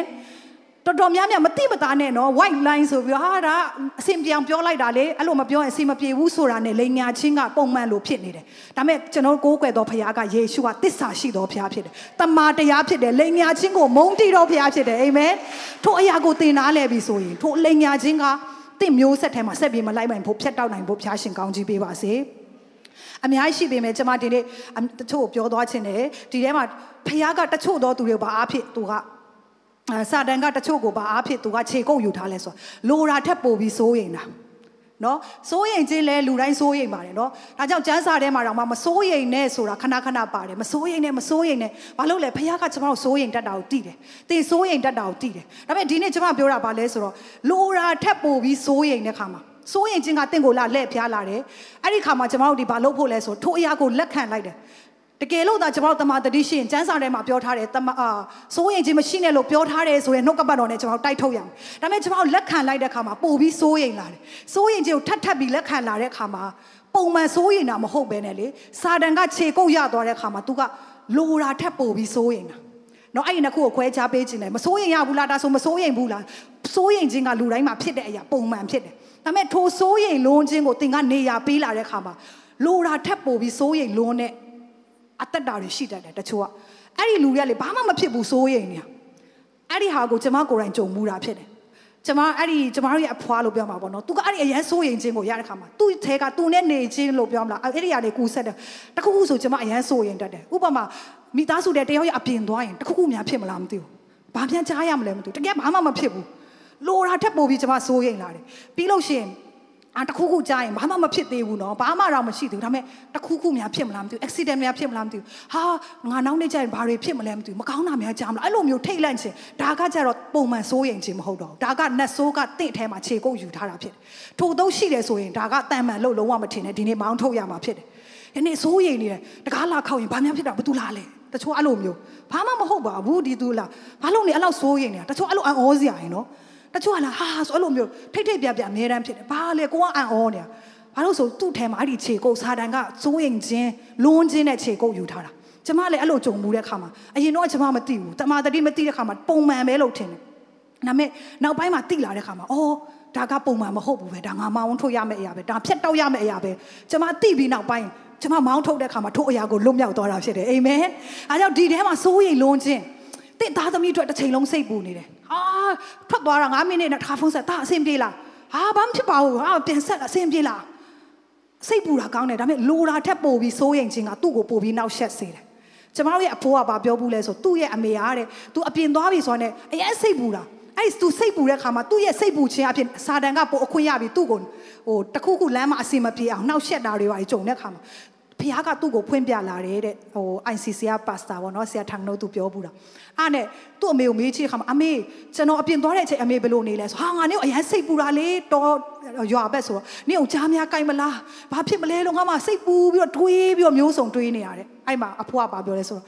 ဒါကဖျားစီကမဟုတ်ဘူးအမေလုံးဝစိတ်မပူနဲ့အမေအဲ့လိုစိတ်ပူခြင်းကကျွန်တော်ကိုပို့ပြီးအနောက်ရှက်ဖြစ်စေတယ်ဒါကြောင့်အမေလုံးဝစိတ်မပူနဲ့တော့ကျွန်တော်ဘာမှဖြစ်မှာမဟုတ်ဘူးလို့သူ့အမေကိုပြန်ပြောတယ်နောက်ပိုင်းမှာအဲ့လိုမျိုးတွေမကြုံရတော့ဘူးတဲ့ဒါကြောင့်စိုးရိမ်လုံးခြင်းကပို့ပြီးနောက်ရှက်တတ်တယ်နော်စိုးရိမ်လုံးခြင်းကနေစာတန်ကတင်စိုးရိမ်တဲ့အတိုင်းဖြစ်တတ်တယ်လူကကိုယုံကြည်တဲ့အတိုင်းကိုဖြစ်တာဖြစ်တယ်တင်စိုးရိမ်စိုးရိမ်တဲ့အရာရောက်လာမှာဖြစ်တယ်ငါဖျားမလားမသိဘူးမကြဘူးနောက်နေ့ဖျားရောငါဘာဖြစ်မလဲမသိဘူးတကယ်ဖြစ်လာတယ်ဘာလို့လဲဆိုတင်အားတော်ယုံကြည်ခြင်းနဲ့ ယုံကြည်တဲ့အရာလဲကောင်းတာနဲ့မကောင်းတာရှိရလေကောင်းတာမကောင်းတာယူတဲ့ခါမှာလည်းအဲ့ဒီအတိုင်းတက်ရောက်လာတာဖြစ်တယ်ပြီးတော့တချို့တွေကကြတော့ဗာလဲဆိုတော့ကိုကိုကိုအရန်တနာတာနော် self pity ကိုကိုကိုအဲ့ဒီကိုကိုကိုတနာတဲ့လူကတော့ချိလိုက်လို့ရှင်လေဘာကိုကိုကိုကိုဘာလုပ်လဲဆိုကိုကိုကိုတစ်ချိန်လုံးဘဟုပြုတ်နေတာငါကဘလို့တနာစရာကောင်းတာငါကဘလို့ဒုက္ခရောက်တာလောကမှာငါလောက်တနာစရာကောင်းတဲ့လူငါတခြားလူမရှိဘူး အဲ့ဒီကိုကိုကိုတနာခြင်းခြေကိုကိုလည်းစာတန်ကယူတတ်တယ်ကိုကိုတစ်ချိန်လုံးတနာခြင်းအဲမှာစာတန်ကတင့်ကိုပိတ်မိထားတတ်တယ်ဘာလို့လဲဆိုအဲ့ဒီဟာတကယ်လဲတင်တနာစရာကောင်းတဲ့အဖြစ်အပျက်တွေကြုံတွေ့ခဲ့တာလည်းဖြစ်နိုင်တယ်ဒါပေမဲ့ဘုရားအလိုရှိတာကလေထိုအထက်ကလွတ်မြောက်ပြီးတင်ဒီဘုရားရဲ့လိုချင်တဲ့ပန်းတိုင်ကိုယုံကြည်ခြင်းနဲ့ရှောက်လန်းဖို့ဖြစ်တယ်ဒါပေမဲ့တချို့ကအဲ့ဒါကိုမသိတဲ့အခါမှာသူ့ကိုယ်သူတနာတယ်ကိုကိုကိုတနာတဲ့လူအများစုဘာလုပ်လဲဆိုတော့ကိုကိုကိုဘ ਹੁ ပြူတာ ငါတွေငါဒါတွေကြုံတွေ့ခဲ့ရတာငါဘဝဘလောက်နာခဲ့လဲနင်သိလို့လားအဲနင်သိရင်နင်တနာသွားမယ်နင်တို့လောက်တော့မဟုတ်ဘူးငါဒီလိုတနာစရာကောင်းခဲ့တာဘလို့မိဘကနေငါကြီးတယ်ဘလို့ပုံစံငါကြီးခဲ့လဲငါဘဝကငါအတိုင်းဝိုင်းကဘလို့မျိုးလဲသူကပြောရင်းနဲ့ဘာလုပ်ချင်တာလဲဆိုငါဟာငါ့ကိုတနာကြပါနင်တို့ငါ့ကိုကူညီဖို့လိုအပ်တယ်ငါ့ကိုဖေးမဖို့လိုအပ်တယ်တကယ်ကလိုအပ်ပါတယ်ဒါပေမဲ့ထိုအရာအရန်များလာတဲ့ခါမှာကိုကိုကိုဘဟိုပြုတ်လာတဲ့ခါမှာသူတို့ကကဘာပေါ်မှာသူတို့လောက်တနာစရာအကောင်းဆုံးသူတို့ပဲ တခြားလူတွေကသူတို့လောက်ဘာမှမဖြစ်ဘူးဖြစ်လာတဲ့ခါမှာအဲ့ဒီကနေစာတန်ကဝင်ပေါက်ရတယ်ဟုတ်တယ်တင့်ဘဝနာခဲ့တာဖြစ်နိုင်တယ်တင့်ဘဝဒုက္ခရောက်ခဲ့တာဖြစ်နိုင်တယ်ဒါမဲ့ဖယားရှိတယ်အာမင်ဖယားကတင့်အခြေအနေတွေကိုပြောင်းလဲစေနိုင်တာဖြစ်တယ်အမြဲတမ်းဒုက္ခရောက်ဖို့ဘုရားကတင့်ကိုအလိုမရှိဘူး။တင့်အတိတ်မှာနာကျင်ခဲ့တာအဆက်ကွဲခဲ့တာရှိနိုင်တယ်။ဒါပေမဲ့ဘုရားထဲမှာတင်စက္ကန့်အနိုင်ဘဝတစ်ကိုပေးနိုင်တော်ဘုရားရှင်ဖြစ်တယ်။ဘယ်နှယောက်ယုံကြည်လဲဘဝတစ်ကိုပေးနိုင်တယ်ဘုရား။အာမင်လက်ခုပ်တီးပြီးဘုရားနာမကိုချီးမွမ်းရအောင်။အဲ့ဒီ ဆုံးဆုံးဆုံးရှုံးခဲ့တဲ့အရာဒုက္ခရောက်ခဲ့တဲ့အရာကနေအဲ့ဒီ self pity သမားတွေမလွတ်မြောက်ချင်ဘူးတကယ်ကသူတို့ကလူတွေအထမ်းရှင်းကိုလိုချင်တာဟိုလူတွေကသူ့ကိုဟာကြည်စံသူ့ဘဝအလုံးနော်ဆိုတော့သူကตาရတတ်တယ်တခါလေตาရရင်နဲ့တကယ်ဆူတောင်းပေးမလွတ်မြောက်ချင်ဘူးကျွန်မကြုံမှုတယ်သူရဲ့ဒုက္ခရောက်ခြင်းတွေပြောပြောပြောပြောကျွန်မဆူတောင်းပေးမယ်လို့တခါဆူတောင်းလို့ကိုမရအောင် သူကလုံးဝလုံးဝဟိုခံယူခြင်းမရှိတဲ့ခါမှာဘာဖြစ်တာလဲပေါ့နော်ငါဆူတောင်းတာဘာလို့လဲနောက်မှဖျားဖွင့်ပြတဲ့ခါမှာသူကစာမမစာငတ်တာတဲ့သူ့ကိုတနာတာကိုလိုချင်တာတနာစရာကောင်းတဲ့အတွက်သူ့ကိုကူညီရအောင်တနာစရာကောင်းတဲ့အတွက်သူ့ကိုကူညီအောင်သူအဲ့ဒီမှာတာရတာဒါပေမဲ့ယုံကြည်ခြင်းနဲ့ခြေလမ်းမိနေပဲတက်ကိုသူသွားချင်တာမဟုတ်ဘူးဒါကြောင့်ယနေ့ကိုကိုကိုတနာလွန်ခြင်းရှိတယ်ဆိုယေရှုနာမ၌မောင်းထုတ်ရအောင်အာမင်ထို့ဒီနေ့ကျွန်မဖော်ထုတ်တဲ့အရာတွေကအပြစ်တင်ခြင်းတာမဟုတ်ဘူး အမြဲတမ်းလဲကျွန်တော်ဒီအရာတွေကိုလူရှိမှမဖော်ထုတ်ပါဘူးဒါပေမဲ့ဝိညာဉ်တော်ကဒီနေ့ဖော်ထုတ်ခိုင်းတာဘာအတွက်လဲလွမြောက်ဖို့ရန်အတွက်ဖြစ်တယ်ဒီနေ့ကိုကိုကိုတနာခြင်းဝိညာဉ်ကယနေ့ဒီနေရာကနေထွက်သွားရမှာဖြစ်တယ်လူတွေအထဲကနေထွက်သွားရမှာဖြစ်တယ်အဲ့ဒါဆိုရင်ဘာဖြစ်လာမလဲယုံကြည်ခြင်းနဲ့တင်မတက်ရဲရဲလာမယ်ကိုကိုကိုတနာတဲ့သူတွေကဖျားထားတဲ့ပန်းနိုင်တဲ့ယူပါယုံကိုလေခြေလန်းခြင်းမရှိဘူးထိုင်ချတာသူတို့ကလူတွေကိုအပြစ်တင်တယ်တကယ်ဆိုရင် ငါအဖေသာကောင်းခဲ့ရင်ငါတို့နိုင်ငံသာကောင်းခဲ့ရင်အဲငါရဲ့ခေါင်းဆောင်တွေသာကောင်းခဲ့ရင်ငါဒီလိုအခြေအနေရောက်မှာမဟုတ်ဘူးတကယ်အဲ့ဒါငါကြောင့်မဟုတ်ဘူးသူတို့ကြောင့်လူတွေကိုအပြစ်တင်တယ်ငါရဲ့မိဘကဒီလိုလုပ်ခဲ့လို့ငါအဖွားဒီလိုလုပ်ခဲ့လို့ငါပတ်ဝန်းကျင်မှာဒါတွေလုပ်ခဲ့လို့သူကငါ့ကိုဒီလိုလုပ်ခဲ့လို့ငါဒါတွေကြုံတွေ့တာလူတွေကိုတစ်ချိန်လုံးအပြစ်တင်တယ်သူ့ရဲ့အထဲမှာဘာနဲ့ပြည့်နေဆိုတော့မကောင်းတဲ့အရာတွေနဲ့ပဲပြည့်နေတယ်မပြောင်းလဲချင်ဘူးလူတွေရဲ့ attention ကိုပဲသူတို့ကလိုချင်လာတာဖြစ်တယ်အတိတ်မှာပဲနေချင်တယ် အဲ့လိုမျိုးကိုကိုကိုဖြစ်လာတဲ့ခါမှာပိုပြီးဘာဖြစ်လာလဲဆိုတော့လူစိတ်တက်ကြလာတယ်ပိုပြီးတဖြည်းဖြည်းနဲ့နော်ဟို depression ပိုရလာတယ်ဒါကြောင့်ဝိညာဉ်တစ်ခုကိုမကောင်းတဲ့ဝိညာဉ်စိုးတစ်ခုသင်ခွင့်ပြုတယ်ဆိုသူကလေအုပ်စုလိုက်ပြန်လာတာတခုခါခွင့်မလို့ဒေါသထွက်တာဝိညာဉ်ကိုသင်ခွင့်ပြုလိုက်တဲ့ခါမှာခွင့်မလို့ခြင်းရလိုက်လာတယ်ခါသေးခြင်းရလိုက်လာတယ်တယောက်နဲ့တယောက်ကလေးစားချေခြင်းကလိုက်လာတက်ဖြတ်ခြင်းတွေကလိုက်လာတယ်ဒါကြောင့်ဝိညာဉ်တစ်ခုကိုခွင့်ပြုရင်ကျမ်းစာထဲမှာ နတ်ဆိုးကားတဲ့မောင်းထုတ်ခံရတဲ့ခါထွက်သွားတယ်တဲ့နော်ယေရှုကအာဒီခရစ်ဝင်ကျမ်းထဲမှာဗာပြောစားလဲထွက်သွားတယ်တဲ့သူနေစရာရှာတယ်အဲဆိုဝိညာဉ်တွေကသူကနေတဲ့နေရာရှာတာလေသူကခန္ဓာကိုယ်မရှိတဲ့ခါမှာနေစရာနေရာရှာပြီးတော့မတွေ့တာနဲ့သူပြန်လာတဲ့အိမ်ကိုလာတဲ့ခါမှာတဲ့အဲ့ဒီထဲမှာဟာနေရာတွေ့တဲ့ခါမှာနောက်ထပ်လူအုပ်သူ့ရဲ့ဝိညာဉ်ဆိုအုပ်စုလိုက်ကိုခေါ်လာပြီးနေတယ်တဲ့အဲကြောင့်အဲ့ဒီလူကပို့ပြီးဆိုးသွားတယ်တဲ့ အဲကြောင့်ကျွန်တော်ဝိညာဉ်ဆိုရဲတော့အုပ်စုလိုက်နေစရာကိုရှာတဲ့ခါမှာတင်တစ်ခုကိုခွင့်ပြုရင်သူတို့ကအချင်းချင်းခေါ်မှာတရိษံတွေလည်းအဲ့လိုပဲနော်အဒီမှာအစာရှိရဲဆိုတခြားဟာတွေရောက်လာအဲ့လိုပဲသူ့ရဲ့နှဆိုးတွေဟဲ့ဒီမှာဒီလူရဲ့အဲမှာငါတို့နေရာယူလို့ရတယ်နှုတ်ကပတ်တော်မရှိဘူးသူကခွင့်မလို့ချင်းနဲ့ပြည့်နေရလားငါတို့နေလို့ရတယ်ဆိုတင့်ကိုခေါ်ပြီးတော့တဖြည်းဖြည်းသူတို့ကပို့ပြီးများလာပြီးတင့်အထဲမှာကြီးမားစွာနဲ့ခြေကုပ်ယူလာတဲ့ခါမှာနောက်ဆုံးဘယ်လိုဖြစ်သွားလဲဆိုအဲ့ဒီလူတွေကမမှန်တော့တဲ့လူတွေ စိတ်သိမ့်မမှန်တော့ဘူးလို့ခံခံစားရောက်လာတဲ့အထိစိတ်ပိုင်းဆိုင်ရာမှာ depression ရသွားပြီးတော့နောက်ဆုံးဘယ်လောက်ထိတက်သေးချင်တာတွေအာမမှန်ကန်တဲ့ဖောက်ပြန်မှုတွေဖြစ်လာပါဆိုသူ့ကိုအရန်လွမ်းမိုးတဲ့အရာတွေများလာတဲ့ခါမှာဒါပေမဲ့ဖခင်ကတင့်ကိုထိုထဲကနေဒီနေ့လွတ်မြောက်ခြင်းပေးခြင်းတာဖြစ်တယ်အာမင်ကိုကိုကိုတနာမယ်ဆိုလူလူလေးယောက်စဉ်းစားကြည့်လေလူလူလေးယောက်ကျမ်းစာထဲမှာနော်ရှမာရိမြို့တစ်ခုလုံးဒုက္ခရောက်ပြီးစားစရာမရှိတဲ့အချိန်မှာဖခင်ကဘသူအဖြစ်ကယ်နှုတ်ခဲ့လဲဆိုတော့မြို့ပြင်မှာရှိတဲ့ယောဂတဲ့လူလူလေးယောက်သူတို့က စားစရာမရှိတော့ငါတို့ဒီမှာနေလဲတေရမယ်ထိုင်လဲတေရမယ်အကြောင်းငါတို့ထပြီးခြေလန်းရအောင်လို့ပြောတဲ့ခါမှာအဲ့ဒီလူလူလေးယောက်ရဲ့ခြေလန်းကိုဖျားပါဖြစ်စေလဲဆိုရန်သူတွေရဲ့အတန်ထဲမှာစစ်တီမြောက်များစွာသူတို့စီကိုလာတဲ့အတန်လို့ကြားစေတဲ့ခါမှာအာသူတို့အရန်ကြောက်ပြီးထွက်ပြေးသွားပြီးတော့ဖခင်ရဲ့လူတွေအဲ့မှာစစ်နိုင်သွားတယ်ကျွန်တော်ဓမ္မဟောင်းထဲမှာတွေ့ရတယ်နော်ထိုအရာမှာဖခင်အသုံးပြုတဲ့လူကဘာတူလဲဆိုလူနူလေးယောက်ဖြစ်တယ်သူတို့ကငါတို့ကနေမကောင်းတဲ့လူပဲလူတွေကငါတို့ထမင်းလာကျွေးရမှာငါတို့ဒီလိုနေရမှာလို့ပြောရင်ဒီနမိတ်လက္ခဏာဖြစ်လာမှာမဟုတ်ဘူး။ ဒါကြောင့်သူတို့ရှိတဲ့အခြေအနေတိုင်းထလာခြင်းကတဘာဝလို့နမိတ်လက္ခဏာကိုတက်ရောက်စေတယ်။အဲကြောင့်ဒီနေ့ကိုယ့်အခြေအနေကိုလက်အမြဲတမ်းငါဒီလိုပဲလို့ထိုင်မချပါနဲ့။ခရစ်တော်နာမ၌စပြီးထပါ။ထပြီးခြေလန်းကြည့်ပါ။အာမင်။ဒီနေ့ထကိုထားရမယ့်အချိန်ဖြစ်တယ်။ထနိုင်ဖို့ဘုရားရှင်ကောင်းချီးပေးပါစေ။အချိန်နေစိုးတဲ့ကနေထလာရမယ့်အချိန်ဖြစ်တယ်။ဆုံးရှုံးခြင်းတွေကနေထလာရမယ့်အချိန်ဖြစ်တယ်။ဖျားနာခြင်းတွေကနေယုံကြည်ခြင်းနဲ့ထလာရမယ့်အချိန်ဖြစ်တယ်။ဘာမှမရှိဘူးမျောလင်းစရာမရှိဘူးရတဲ့ယုံကြည်ခြင်းနဲ့ငါလှမ်းကြည့်မယ်။ သင်ယုံကြည်ရင်ခြေလန်းတဲ့လောက်ဖခင်ကသင်တို့တကားတွေဖွင့်ပေးမှာဖြစ်တယ်။ဒါကြောင့်ယနေ့ကိုကိုကိုတနာပြီးတော့တနာခြင်းနဲ့မှပိတ်မိပြီးတော့ဘာမှမလုပ်ဘဲနဲ့အခြေအနေကိုအပြစ်တင်ခြင်းကနေကျွန်တော်တို့ထလာဖို့ဖခင်ရှင်ကောင်းကြီးပေးပါစေ။နော်နောက်နောက်ကျွန်မဆွေးနွေးခြင်းနဲ့ရနောက်တစ်ခါကျတော့စိတ်ရှုပ်ထွေးခြင်းနဲ့အတွေးလွန်ခြင်းတွေနော်အဲ့ဒါလေကျွန်မကြုံတွေ့ဘူးတဲ့အရာဖြစ်တယ်။ကျမ်းစာထဲမှာဘုရားကဘာပြောလဲဆိုတော့ဘုရားသခင်ဒီကြောက်တတ်သောစိတ်သဘောကိုမပေးဘူးတဲ့။တကိုးပါသောစိတ်ချစ်တတ်သောစိတ်ဘာပြောလဲနောက်ဆုံးမှာရှင်လင်းသောစိတ် ရှင်းလင်းသောစိတ်ဒါကြောင့်ရှုပ်ထွေးခြင်းကဘုရားသခင်ဆရာမလာဘူးတချို့တွေကအာတစ်ချိန်လုံးရှုပ်နေတာပြီးအရန်တွေးတာဘာတွေတွေးမှမသိဘူးသူတွေးတွေးတာကျမလည်းလို့ကြုံမှုတယ်ဟာအချိန်တွေကိုပြင်ဒါကဘာကြောင့်ဖြစ်ရလဲဘာလို့လဲဘာလို့လဲလောကရဘာဖြစ်လဲတွင်းတွင်းနဲ့စိတ်တက်ကြလာတယောက်တည်းနော်အတွေးလုံနေတာဖြစ်ပြတဲ့အရာတိုင်းကိုလိုက်ကြည့်ပြီးရှောက်တွေးနေတာအဲ့ဒီအတွေးလုံခြင်းနဲ့စိတ်ရှုပ်ထွေးခြင်းကစာတန်ရဲ့လက္ခဏာတစ်ခုဖြစ်တယ်ဝိငေဆိုးကတင့်ကိုနှောက်ယှက်နိုင်တဲ့အရာဖြစ်တယ် သူတို့ကမှန်ကန်တော့တမန်တရားသူတို့အထဲမှာမရှိတော့နှုတ်ကပတ်တော်ကြားရင်လေရှုပ်ထွေးတယ်သူကမရှင်းလင်းဘူးအဲဆိုအထဲမှာကခုနပြောတယ်မမှန်သောအရာတွေတမန်တရားမဟုတ်တဲ့အရာတွေအများကြီးကနေရာယူထားပြီးသွားပြီလေလိန်ညာချင်းတွေစာတန်ရဲ့လက်ဖျားချင်းတွေတော့လကောက်ကိုယ့်ရဲ့ကြီးပြင်းလာမှုအရာကိုယ့်ရဲ့ရိုးရာခံယူချက်တွေယုံကြည်ခြင်းတွေတမန်တရားမဟုတ်တာလည်းဖြစ်နိုင်တယ်အများကြီးရှိနိုင်တယ်အထဲမှာအယမ်းပြည့်နေတဲ့ခါမှာသူကအဲ့ဒါကိုမထုတ်တဲ့ခါမှာရှုပ်ထွေးနေတာ တခုခုပြောလိုက်ဒါပေမဲ့ငါသိထားတာဒီလိုဒါပေမဲ့ဒါကဒီလိုဖြစ်တယ်အဲအဲ့လိုမျိုးရှုပ်ထွေးလာတမန်တရားပြောလာတဲ့ခါမှာဆရာတော့အဲ့လိုပြောတယ်ဒါပေမဲ့ငါကြားဘူးတာကတမန်တရားကလွတ်ချင်းရမယ်လို့ပြောတယ်ဒါပေမဲ့ဆိုပြီးတော့အဲ့လိုအတွေးသမားတွေဖြစ်တယ်ဒီနေ့ထိုအရာကတင့်ရဲ့ကောင်းကြီးကိုပိတ်တော့အရာဖြစ်တယ်ကျမ်းစာကပြောတယ်ထားပါဆိုထားဖို့ပဲဖြစ်တယ်အာမင် ဒီနေ့ပေတရုနဲ့ဟိုသူတို့ဗိမာန်တော်မှာသွားတဲ့အချိန်မှာငါမှရွှေငွေမရှိဘူးယေရှုနာမနဲ့ထပါလို့ပြောတဲ့အချိန်မှာထိုလူကอืมထိုင်ကောင်းမလားမသိဘူးမထိုင်ကောင်းမလားသူတို့ကအဲ့လိုမျိုးမတွေးဘူးနော်ချက်ချင်းထပြီးတော့ဖခင်ရဲ့နမိတ်လက္ခဏာကျမ်းမာခြင်းစီးစင်တာဖြစ်တယ်အားကြောင့်ဖခင်ကထပါလို့ပြောရင်ထဖို့ပဲဖခင်ကလွတ်ပြီလို့ပြောရင်လွတ်ပြီပဲကျမ်းမာပြီလို့ကျမ်းမာပြီပဲဖြစ်တယ်နော်တဲ့အတွက်အစ်စ်တော်တကားတွေပွင့်ပြီဆိုပွင့်ပြီပဲဖြစ်တယ် ချက်ချင်းယုံကြည်လက်ခံလိုက်ဖို့ပဲဖြစ်တယ်ကျမတို့ကဘာဖြစ်လဲဖခင်တော့ပြောတာပေါ့ဒါပေမဲ့ချိလေအခြေအနေကစီးပွားရေးဘလို့ဘလို့ဖခင်ကတင့်ကိုအဲ့ဒါတွေမပြောခိုင်းဘူးအာမင်ငါလုံမယ်ဆိုငါလုံမယ်လို့ဖခင်ကပြောတော်ဖခင်ရှင်ဖြစ်တယ်ဖခင်ကလုံချင်ဘာမှမရှိတဲ့ထဲကလုံနိုင်တော်ဖခင်ရှင်ဖြစ်တယ်အစာခေါင်းပါရကာလမှာအီးဇက်ကိုဝါလေစွာကြွေးတော်ဖခင်ရှင်ဖြစ်တယ်ဖခင်ကဝါလေစွာကြွေးမယ်တဲ့ဒါပေမဲ့လေအခြေအနေကလေငါအလုံးမရှိဘူးလေဘာဖြစ်လေဘာဖြစ်တယ်ယေရှုနာမ၌ထိုအရာတွေအလုံးဖယ်ရှားပါတယ် အာမင်ပြန်ပြီးတစ်ချိန်လုံး complain တက်တဲ့ရှုပ်ရှုပ်ထွေးခြင်းအတွေးလုံးခြင်းတွေအားလုံးယေရှုနာမ၌မောင်းထုတ်တယ်ဒီနေ့နှုတ်ကပတ်တော်အဖြစ်အစ်စ်ပြန်ပြုပြင်ရအောင်ဖခင်ပြောတယ်ဆိုရင်ဘာပဲဖြစ်ဖြစ်မဖြစ်နိုင်လဲ yes ကိုရောဖခင်ကတင့်မိသားစုကိုကောင်းချီးပေးမယ်ဆိုဟုတ်ကဲ့ကိုရော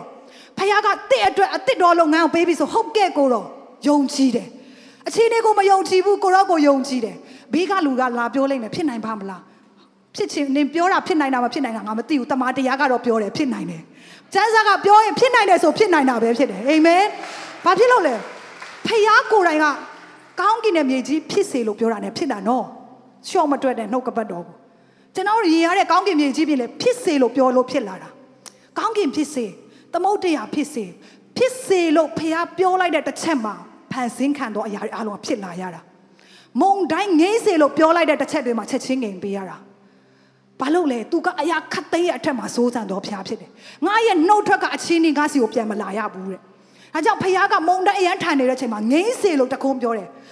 ဘယ်လူမှတဘာဝဘေးအနေမကာစီးနိုင်ဘူးဒါပေမဲ့ခရစ်တော်ပြောတဲ့အချိန်မှာချက်ချင်းငိမ်ပေးရတာဖြစ်တယ်။ဒါကြောင့်ယနေ့ဘုရားကလွတ်စေလို့ပြောရင်သင်လွတ်မဲ့နေဖြစ်တယ်။အာမင်။ကျမ်းမာပြီလို့ပြောရင်ကျမ်းမာမဲ့နေဖြစ်တယ်။စိတ်နှလုံးများကိုပြင်ဆင်ထားပါ။ဒီနေ့တွေးနေအခုကျွန်မပြောနေအောင်ဘယ်နှယောက်ကอืมပြောတာပဲလို့တွေးနေသေးလဲ။အချိန်မီသေးတယ်နော်။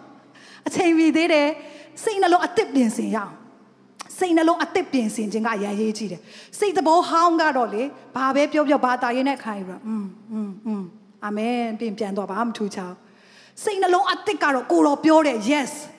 ကိုတော့ပြောတယ်ကျွန်တော်အသက်တာမှာဖြစ်လာမယ်ထိုလူနဲ့တဘာဝ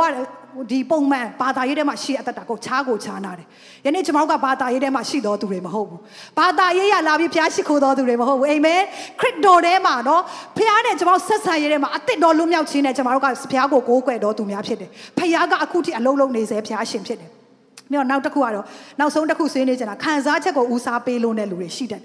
အာတခါလေကြာရင်ခံစားချက်ကလည်းပုံမှန်ပဲဖြစ်တယ်เนาะကျွန်မဒီပြီးခဲ့တဲ့ဘတ် worship team မှာပြောသလိုပေါ့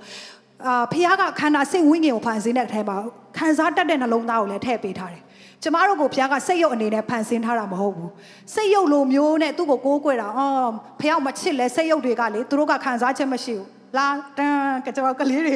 ဟိုဒီခေတ်ကလေးသားတွေဆိုရင်ကအရန်စိတ်ဝင်စားတော့စိတ်ရုပ်လိုမျိုးဒီကိုသွားဆိုသွားတယ်ဒီကိုလာသူတို့မှဘာခံစားချက်မှမရှိဘူးဒါပေမဲ့ဖခင်ကကျွန်တော်တို့အဲ့လိုဖြစ်စေချင်တာမဟုတ်ဘူးခံစားချက်ထည့်ပေးခြင်းကဘာလဲသူ့ကိုချစ်ဖို့ရန်အတွက် သူ့ကိုတကယ်ချစ်တဲ့နှလုံးသားနဲ့ဟိုလုံရမှာမလို့မဟုတ်ပဲねရွေးချယ်ပြီးတော့ချစ်ဖို့ရွေးချယ်ပြီးသူ့နောက်ကိုလိုက်ဖို့သူကထားတာဒါကြောင့်ခံစားချက်နဲ့ကျွန်တော်တို့ကဖះကိုကိုးကွယ်တာလည်းလိုအပ်တယ်ကိုတော့ကိုချစ်တယ်နှလုံးသားထဲကနေဝမ်းမြောက်တယ်ငြိမ်သက်တယ်အကုန်လုံးခံစားလို့ရတယ်ဒါပေမဲ့အဲ့ဒီခံစားချက်ကိုမမှန်တဲ့နေရာမှာတစ်ခါလေစာတန်ကကျွန်တော်တို့ကိုပါအတွက်30ဆိုမမှန်တဲ့နေရာဘက်ကိုသင်ကအဲ့ဒီခံစားချက်ကိုလှုပ်ပေးလိုက်ပြီဆိုရင်လေခံစားချက်ကဟိုးအဆုံးကြည့်အောင်ရောက်သွားနိုင်တယ်နော်ဟိုမှာဟိုဆွေးတဲ့တခြင်းတွေကိုအများတန်းနားထောင်တဲ့လူကအလိုလိုတစ်ချိန်လုံးဆွေးနေတာ ဘာမိုးရွာလဲဆွေးဘာမှမရှိလဲတစ်ချိန်လုံးသူ့ကိုကြည့်လိုက်ရင်လေဟိုတချို့အလွမ်းတက်လို့ပြောမလားတစ်ချိန်လုံးငုံငုံငိုင်းငိုင်းတိုင်းပြောလို့ဘာလို့ဆို तू အဲ့ဒါကိုခွင့်ပြုထားလေဆိုတော့တင့်ခါစားချက်ကိုတင်ဘာတွေအစာကျွေးနေလဲတမာတရားကိုကျွေးနေလားတမာတရားမဟုတ်တဲ့အရာကိုကျွေးရင်တော့လေတမာတရားမဟုတ်တဲ့အရာတွေထွက်လာမှာဖြစ်တယ်အဲကြောင့်ခံစားချက်ကိုမလွတ်ပေးပါနဲ့ဒီကာလဆိုစာတန်ကခံစားချက်နဲ့လူများများစွာကိုဆွဲချတော့ချိန်ဖြစ်တယ်ဟာငါခံစားချက်မကောင်းဘူးငါလှုပ်ချင်တာလှုပ်လိုက်မယ် ခံစားချက်မကောင်းဘူးငါသွားပြီးတော့ငါဖျားကြောင်လည်းမတက်ချင်တော့ဘူးဟာဖျားကငါဆူတောင်းတာလည်းအဖေမပေးပါဘူးတော်ပြီခံစားချက်ကိုဦးစားပေးတဲ့အခါမှာဒါမှမဟုတ်ကိုအရန်နှစ်သက်တဲ့အရာကိုဆွဲလန်းတဲ့အရာတွေကိုဆုံးရှုံးတဲ့အခါမှာကျမတို့ကခံစားချက်ကလွတ်ချလိုက်တဲ့အခါလှုပ်ချင်ရလှုပ်တော့တာအာတချို့အရက်တွေတောက်တယ်တချို့ကလှုပ်ချင်တာဖျားနဲ့ဝေးတယ်ဘဝဟောင်းထဲမှာကြိုက်တယ်လို့ပြန်သွားတယ်ဒီကာလဆိုကျမအရန်စိတ်မကောင်းတဲ့အရာကတချို့ကျမတိတဲ့သူများပင်လင်ဖျားထဲမှာရှိတဲ့လူများပင်လင် ဘဝဟောင်းထဲမှာပြန်အသက်ရှင်တာတွေ့တဲ့အခါမှာအရန်စိတ်မကောင်းဖြစ်တယ်ခံစားချက်ထဲမှာအဲကြောင့်လေငါအခုအရန်တက်လောင်နေတယ်ဒါပေမဲ့တမာတရားမဖြစ်ဘူးဆိုစာတန်ကအမြဲတမ်းချောင်းမြောင်းနေတာပြန်ပြီးဘဝဟောင်းတဲ့ကိုတင့်ကိုဆွဲခေါ်ဖို့ချောင်းနေတာဖြစ်တယ်ဒါကြောင့်တမာတတိနဲ့ကျွန်တော်ကိုကိုကိုစမ်းစစ်ဖို့အရန်လိုအပ်တယ်ရှမွေလာဆိုရင်တော့ရှောလူကအာဖះစကားကိုနားမထောင်တဲ့အခါမှာဖះကပယ်လိုက်တယ်အာကျော်ပြီးငါရှောလူကိုမရွေးတော့ဘူးလို့ပြောတဲ့အခါမှာရှောလူကိုဗိတ်သိက်ခဲ့တဲ့ prophet ရှမွေလာကတော့အရန်စိတ်မကောင်းဖြစ်တယ် သူ့အတွက်သူ့ရဲ့သားသမီးလိုသူ့ရဲ့ဝိညာဉ်ရမှာ तू ပြုတ်ဆုတဲ့သားလိုခံစားရတဲ့ခါမှာ तू ကရှောလူကိုဖခင်ကပယ်လိုက်တဲ့ तू तू အရန်စိတ်မကောင်းတယ်ကျမ်းစာထဲမှာဘာပြောလဲဆိုတော့ဟိုဖခင်ရဲ့စကားရောက်လာပြီးတော့ရှမွေလာတဲ့ဘယ်လောက်ထိကာလတိုင်အောင်တင်ဟာစိတ်နှလုံးမျိုးငယ်မှာလဲတဲ့ဘယ်လောက်ထိတင်အဲ့လိုပြောနေနေမှာလဲတဲ့ဘာပြောချင်တာလဲဆိုတော့ ခံစားချက်ကိုသူကပြေးပြီးဘာမှမလုပ်ချင်တော့ဖခင်ရဲ့ဗိတ်သိက်ခြင်းဖြစ်တဲ့သူ့ပေါ်မှာ prophet နဲ့နိုင်ငံဘယင်တွေကိုဗိတ်သိက်ရမယ့်တာဝန်တွေကိုစားရက်တီဖို့တွေသူဘာမှမလုပ်ချင်သူငီးတွားနေတယ်မိုင်းတွေးနေတယ်သူ့မှာညှိုးငယ်ခြင်းနဲ့ဖြစ်နေတယ်အိုးရှောလူပယ်လိုက်ရပြီဖယ်ခံရပြီအဲကြောင့်ဒီမှာတချို့သောသူတွေကဖခင်ပယ်လိုက်တဲ့အရာဒါမှမဟုတ်ဖခင်ကကိုယ့်ကိုလွတ်ချစေတဲ့အရာဖခင်ကမလုပ်တော့တဲ့ကိုအရန်ကြိုက်တဲ့အရာတခုအတွက်စိတ်မကောင်းဖြစ်ပြီးညှိုးငယ်ပြီးတော့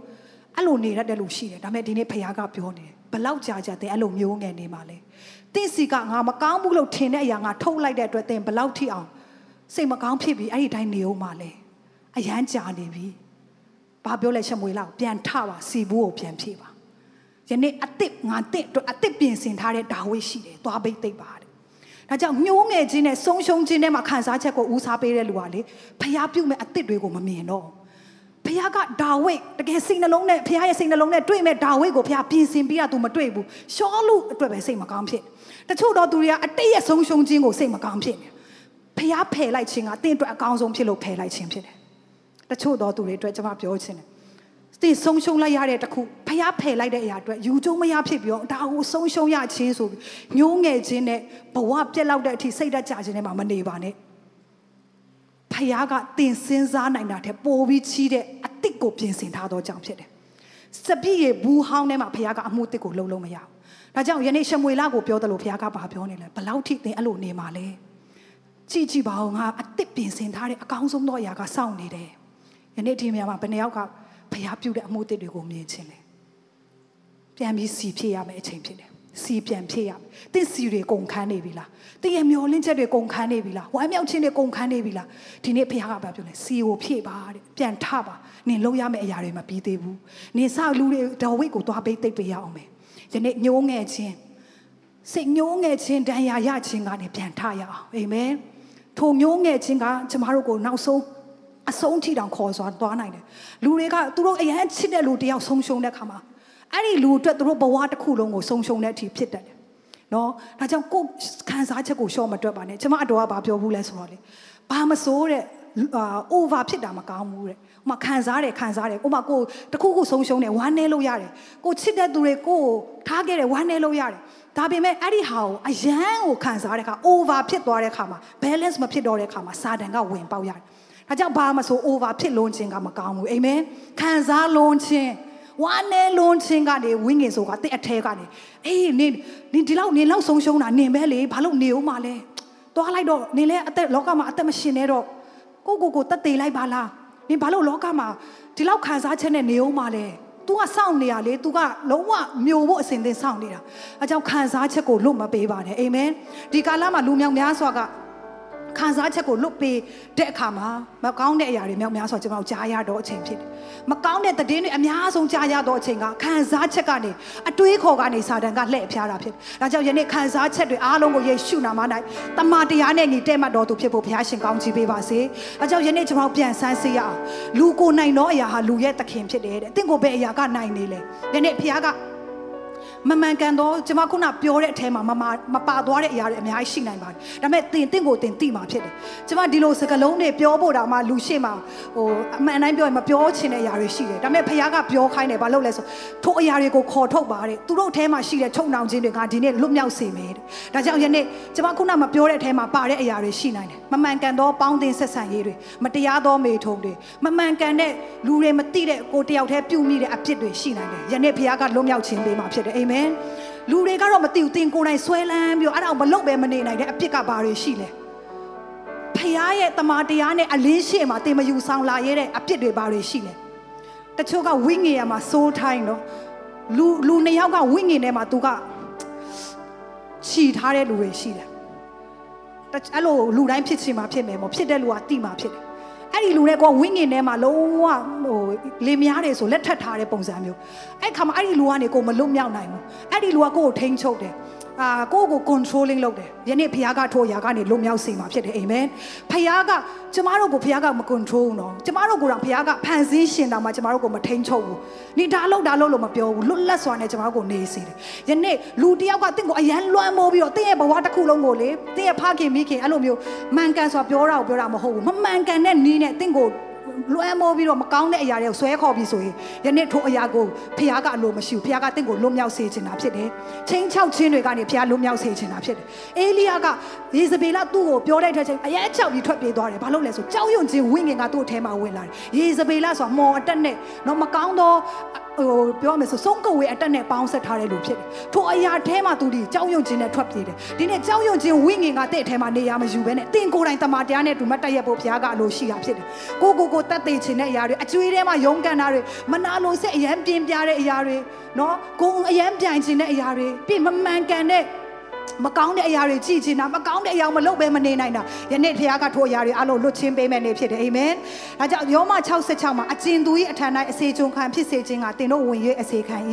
ထိုသူသည်တေခြင်းနဲ့ရှင်သောအပြစ်တရားဖြစ်စေဖြောက်မတ်ရသောရောက်ခြင်းနဲ့ရှင်သောနားထောင်ခြင်းတရားဖြစ်စေတင်တို့၏သခင်ဖြစ်သည်ကိုမသိကြသလောတဲ့ကိုအစေခံကြုံတဲ့အရာကကိုရဲ့သခင်ဖြစ်လာတယ်ဒါပေမဲ့ကျမ်းစာကဘာပြောလဲဆိုတော့ယေရှုကထိုအရာတွေအားလုံးကိုလွတ်မြောက်ဖို့လောကကိုလာတာဖြစ်တယ်တင်မလွတ်မြောက်နိုင်တဲ့တင်မကြော်လွှားနိုင်တဲ့အပြစ်တွေအားလုံးကိုယေရှုကလည်းဝါကားတိုင်းမှာယူပြီးတော့ပါပြောလဲအမှုပြီးပြီအာမင်အမှုပြီးပြီလို့ပြောတဲ့အထက်မှာအကုန်ပါသွားပြီဖြစ်တယ်တင်ထပ်ပြီးခံစားစရာမရှိတော့ဘူးတင်းချောက်ခြင်းအမျိုးမျိုးသောဝိငယ်နဲ့ဆိုးတွေအားလုံးရဲ့ချင်းချောက်ခြင်းကနေလွတ်မြောက်သောနေရာဒီနေ့ဖြစ်တယ်ဒါကြောင့်ယောမ6:20မှာယခုမူကတင်တို့ဒီအပြစ်တရားကြီးလက်မှလို့ရဲ့ဘုရားသခင်ဤဂျုံဖြစ်ကြတယ်ဖြစ်၍တန်ရှင်းခြင်းအကျိုးကိုရကြ၏ ဒါကြောင့်ယေရှုကအားလုံးပြုတ်ခဲ့ပြီးပြီယောဟန်8:36မှာပြောလဲထို့ကြောင့်သားတော်ဒီတင်တို့ကိုလွတ်လင်တင်တို့ဒီဧကမှန်လွတ်လိမ့်မည်ယေရှုကအားလုံးပြုတ်ခဲ့ပြီးအမှုပြီးပြီတေခြင်းကိုအောင်မြင်လဲထားမြောက်လဲကောင်းကင်ပေါ်မြေကြီးပေါ်ရှိသမျှအခွင့်တကူအားလုံးငါခံရပြီယနေ့လွတ်ခြင်းကိုငါပေးပြီဒါကြောင့်သားတော်ကတင်တို့ကိုလွတ်လင်တင်တို့ဟာဧကမှန်လွတ်မယ်ငါထဲမှာအခွင့်အာဏာရှိရလွတ်ခြင်းအခွင့်ရှိတယ်ဒါကြောင့်ယနေ့သင်ဟာလွတ်မြောက်ရမယ့်နေ့ဖြစ်တယ်ခုချိန်မှာကျွန်တော်အားလုံးခဏလေးမတည့်ရက်လက်ပြန်ပြီးအသက်တာကိုစက္ကန့်အနိုင်ရအောင်